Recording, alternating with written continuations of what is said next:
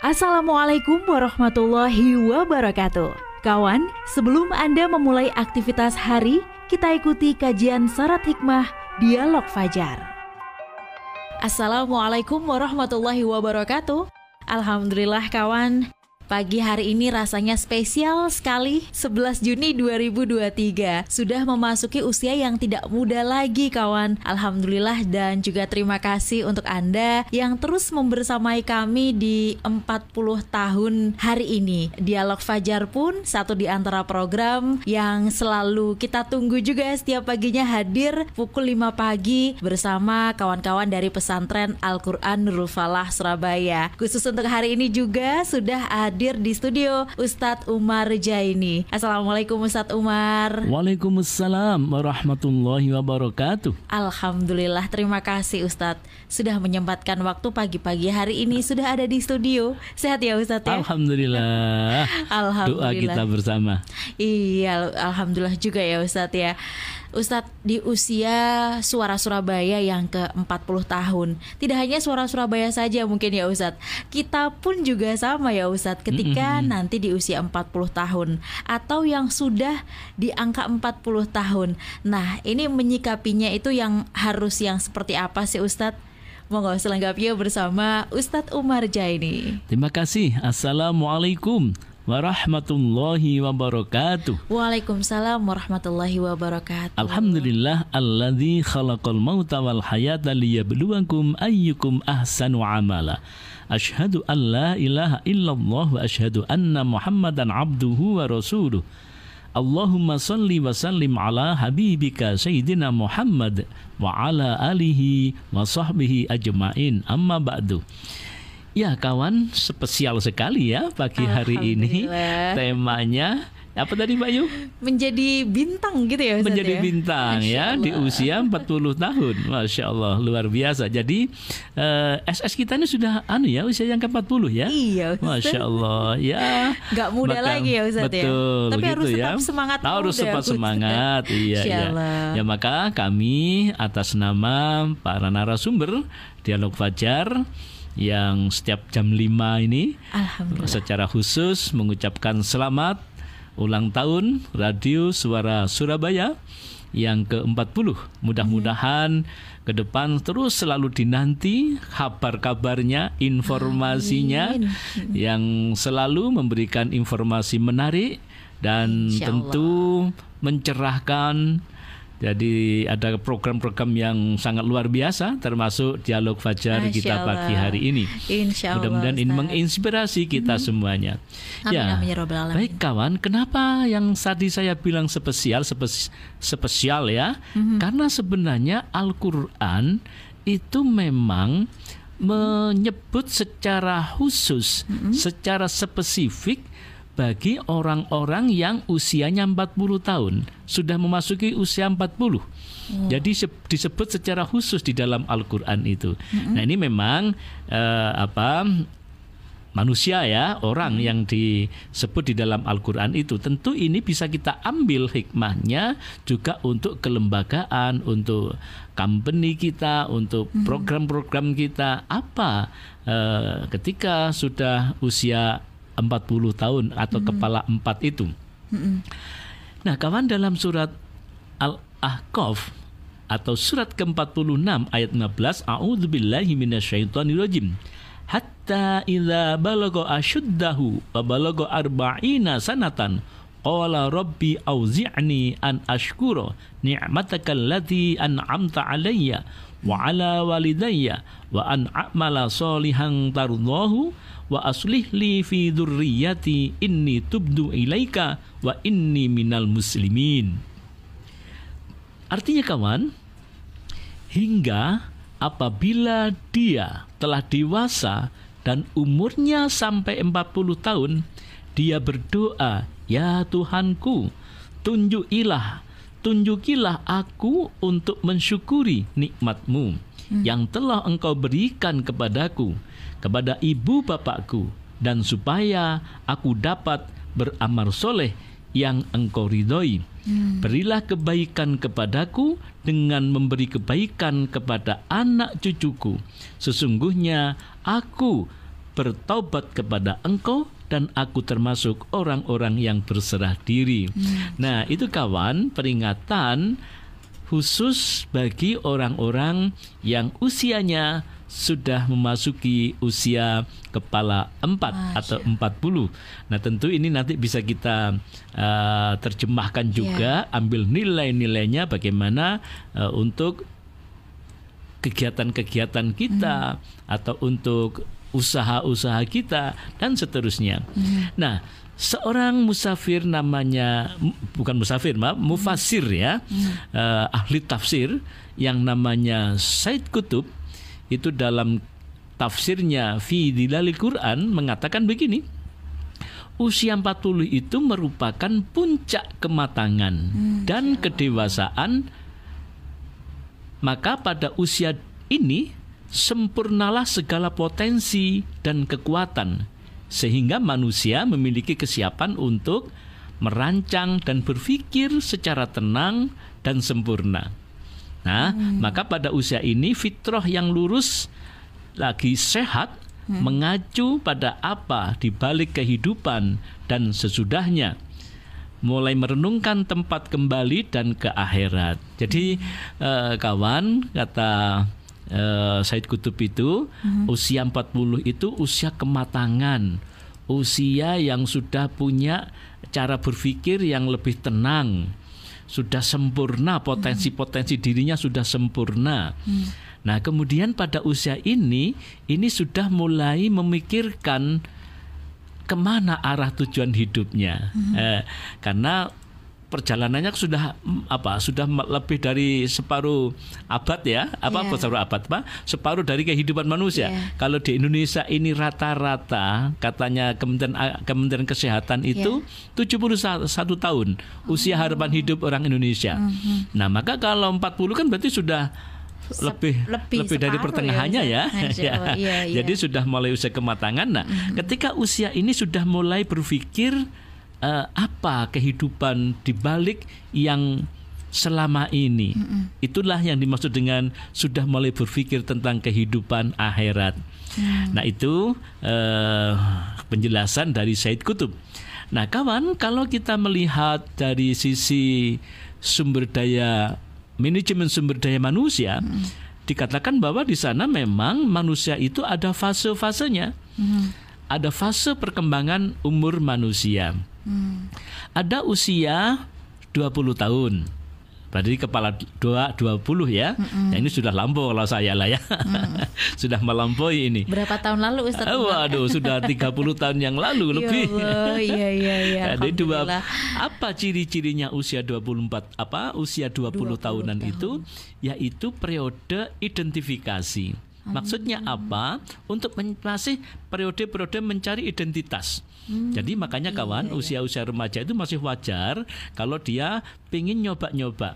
Nyoba Iya, iya, ini, nyoba itu, ini. Untuk Gampang mencari apa? ya, Ustadz, nah, ya. tantangan-tantangan apa? Untuk mencari identitas diri apa yang menjadi talentnya nantinya. Jadi memang masih belum stabil ya masih me- masa-masa pencarian identitas dirinya nah cuman pesan saya kawan eh, jangan nyoba-nyoba yang sudah jelas-jelas dilarang Nah. Narkoba itu sudah jelas itu dilarang nggak usah dicoba Iya, kalau yang iya, itu iya. itu kemudian minuman-minuman keras itu sudah nggak usah di wah incip rek incip rek nggak Ah. usah oh cek melok-melok titik dengan kawan yang lain nggak Iya, usah kalau gitu-gitu nah jadi pesen saya 20 tahun memang usia pencarian identitas ma- maka sering kali anak-anak muda itu nyoba-nyoba nyoba ini nyoba itu. Apalagi dengan era yang seperti sekarang ini informasi yang apa eh, meluber sedemikian banyak ini kalau nggak bisa menyaring terlalu banyak yang dicoba-coba nanti malah nggak ketemu. Nah, kemudian ada fase usia 30-an. Jadi kepala 30, kepala 30 bisa 31, 32, 35 dan seterusnya. Maka periode ini disebut dengan periode penting. Karena periode ini adalah periode kompetitif, energik, kreatif untuk mengembangkan track recordnya. Jadi usia 30 sudah tidak boleh lagi itu coba-coba.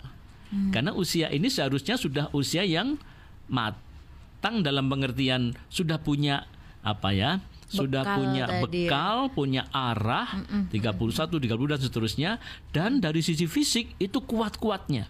Hmm. Energik usia-usia seperti ini. Nah, saat inilah seharusnya sudah mulai membangun track recordnya kayak apa. Hmm. Keahliannya di bidang apa. Eh, talentnya di bidang apa. Apa namanya itu ya? Fa- apa apa apa, Pak?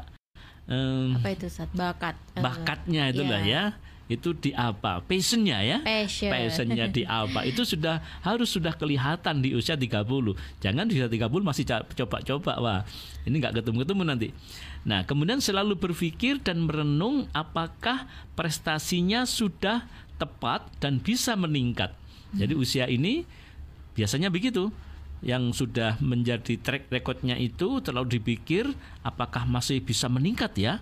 Nah selalu berpikir seperti itu Kemudian masuklah pada fase periode 40 kepala 4. Nah, ini disebut dalam sumber daya manusia itu jadi disebut dengan periode krisis separuh baya. Hmm. Maksudnya apa?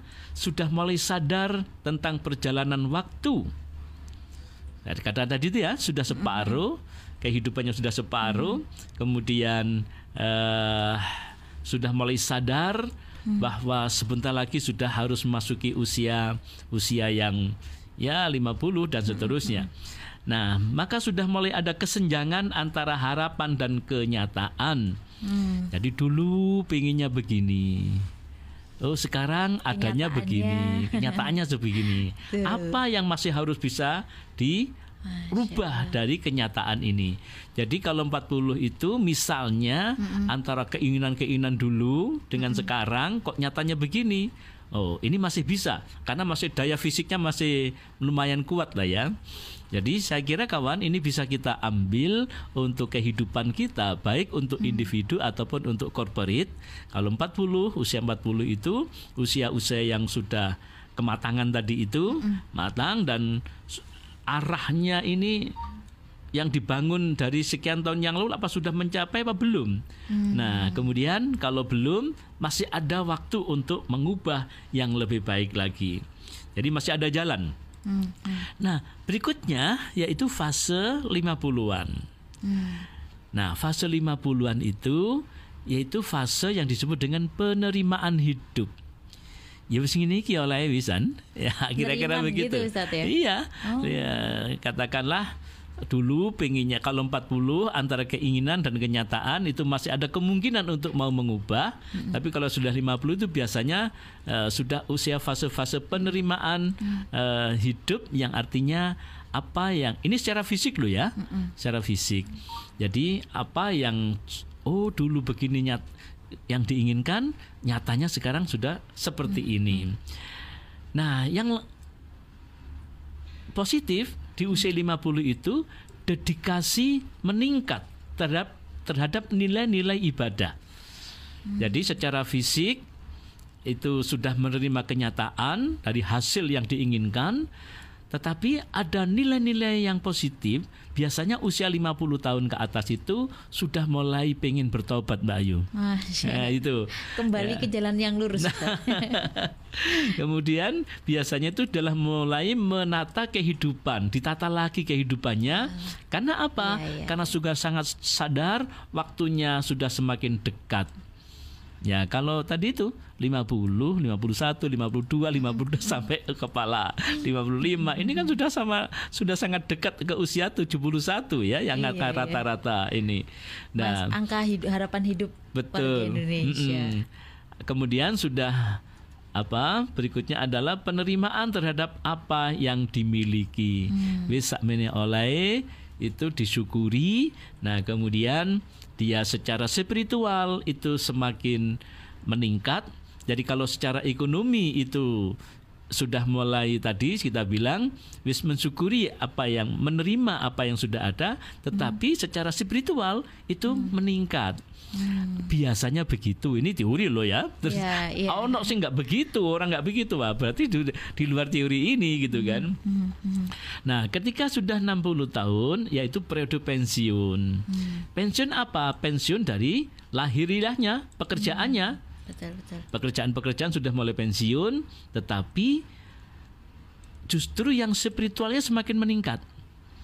Jadi usia 60 tahun ke atas itu rata-rata secara fisik pekerjaannya sudah mulai sedikit demi sedikit sudah dialihkan kepada anaknya, sudah ya dikontrol saja dari di remote saja, tetapi di situ ada nilai positifnya yaitu nilai-nilai spiritualnya itu semakin tinggi. Hmm. Nah, kawan, itu secara umum jadi kalau ibaratnya apa? Eh, padi ya itu kan sering orang membuat ibarat padi ya padi itu semakin tua semakin, semakin menguning menunduk. semakin uh, menunduk iya. uh, kesantunnya semakin baik hmm. Hmm. ibadahnya semakin baik kemudian secara ekonomi hartanya sudah sudah sedemikian rupa yang diperoleh hmm. dan hmm. itu disyukuri dengan apa yang ada hmm. jadi kawan maka hal-hal yang harus segera dilakukan bagi orang yang sudah berusia 40 tahun. Pertama, harus semakin meningkatkan ke, berbakti kepada Allah Subhanahu wa taala. Yang kedua tadi, berbakti kepada orang tua. Mm-hmm. Begini Mbak Ayu, kenapa ini kok Allah kalau saya renungkan ya, mm-hmm. kalau kok Allah menyebut secara khusus orang-orang yang usianya 40 tahun ini. Maka kalau saja sekarang usia 40 tahun, hmm. berarti kepalanya ya kepala 4 yeah. bisa 41, 42, 45 ya. Hmm. Maka orang tuanya berarti usia berapa ya? Kalau saja dulu berkeluarga usia 25 tahun, hmm. ditambah 40 berarti usia 65 60. tahun. Yeah. Nah, usia 65 tahun padahal tadi itu adalah usia yang sudah mulai menua. Hmm. Sudah mulai menua. Nah, di saat-saat itulah sementara anak-anaknya yang usia 40 tahun itu sedang uh, giat-giatnya untuk bekerja. Mm-hmm. Nah, itulah kadang-kadang yang lupa karena dengan kesibukan pekerjaannya, mm. lupa dengan orang tuanya yang berada di desa sana. Jadi jarang dijenguk dan seterusnya. Ya kenapa? Karena saking sibuknya kita di pekerjaan-pekerjaan itu dengan target-target pekerjaannya. Hmm. Ya maka diingatkan oleh Allah bagi orang-orang yang sudah 40 tahun, ingatlah di sana di belakang Anda ada orang tua kalian yang selalu rindu dengan anak-anaknya. Nah, sementara anak-anaknya yang usia-usia segitu itu sedang sibuk-sibuknya ya. di tempat pekerjaannya dengan target-target perusahaannya hmm. dan seterusnya. Sampai ditelepon orang tuanya nih kapan kapan pulang nak sik bu sik ma Astagfirullahaladzim Ustaz iya, iya, iya, iya itu yang kedua biasanya usia 40 kan sudah mulai juga tanggung jawab punya iya. anak punya istri sibuk dengan anak-anak istrinya hmm. sibuk dengan pekerjaannya ah, terlebih mungkin secara ekonomi juga juga masih perjuangan misalnya hmm. begitu hmm. nah sementara di belakang sana ada orang tuanya yang usia sudah memasuki usia senja 65 tahun yang sangat merindukan kehadiran anak-anaknya. Jadi Allah mengingatkan seperti itu. Hmm. Berikutnya adalah mensyukuri nikmat yang telah diperoleh. Hmm. Nah, bersyukur dulu lahir nggak punya apa-apa, nggak nggak apa rumah nggak punya namanya baru lahir ya baru lahir nggak punya apa-apa kita ini kan begitu lahir kemudian terus usia remaja dewasa sudah bisa bekerja sudah mulai bisa punya rumah punya kendaraan bahkan tidak satu kendaraannya dua tiga dan seterusnya itu disyukuri cara mensyukuri berarti digunakan untuk beribadah kepada Allah Subhanahu wa taala. -hmm. Kemudian tentu usia 40 harus memperhatikan pendidikan anak-anak cucunya. Hmm. Jadi 45 tahun 50 itu sudah mulai punya cucu ya, punya anak. Memperhatikan eh, apa? pendidikan anak-anaknya. Yang terpenting lagi dari ayat tadi itu hmm. segera bertobat hmm. dengan sungguh-sungguh. Karena sudah nggak lama lagi itu kawan-kawannya sudah mulai banyak yang terkena berbagai macam ada yang kencing manis mm -mm. atau apa hipertensi mm -mm. ada yang kolesterol mm -mm. ada yang diabetes ya, diabetes. Hmm. Sudah mulai banyak yang seperti itu usia 40, maka segera bertobat dengan sungguh-sungguh. Dan berikutnya segera memperbanyak amal soleh. Nah, itulah kawan, ini anjuran Al-Qur'an bagi mereka-mereka yang sudah memasuki usia 40 tahun. Saya tidak tahu kira-kira kawan usia berapa ya? Tinggal nyocokkan saja apakah mm -hmm. masih 20 apakah sudah 30 ciri-cirinya kok 30 tadi itu apa oh, penuh semangat-semangatnya untuk hmm.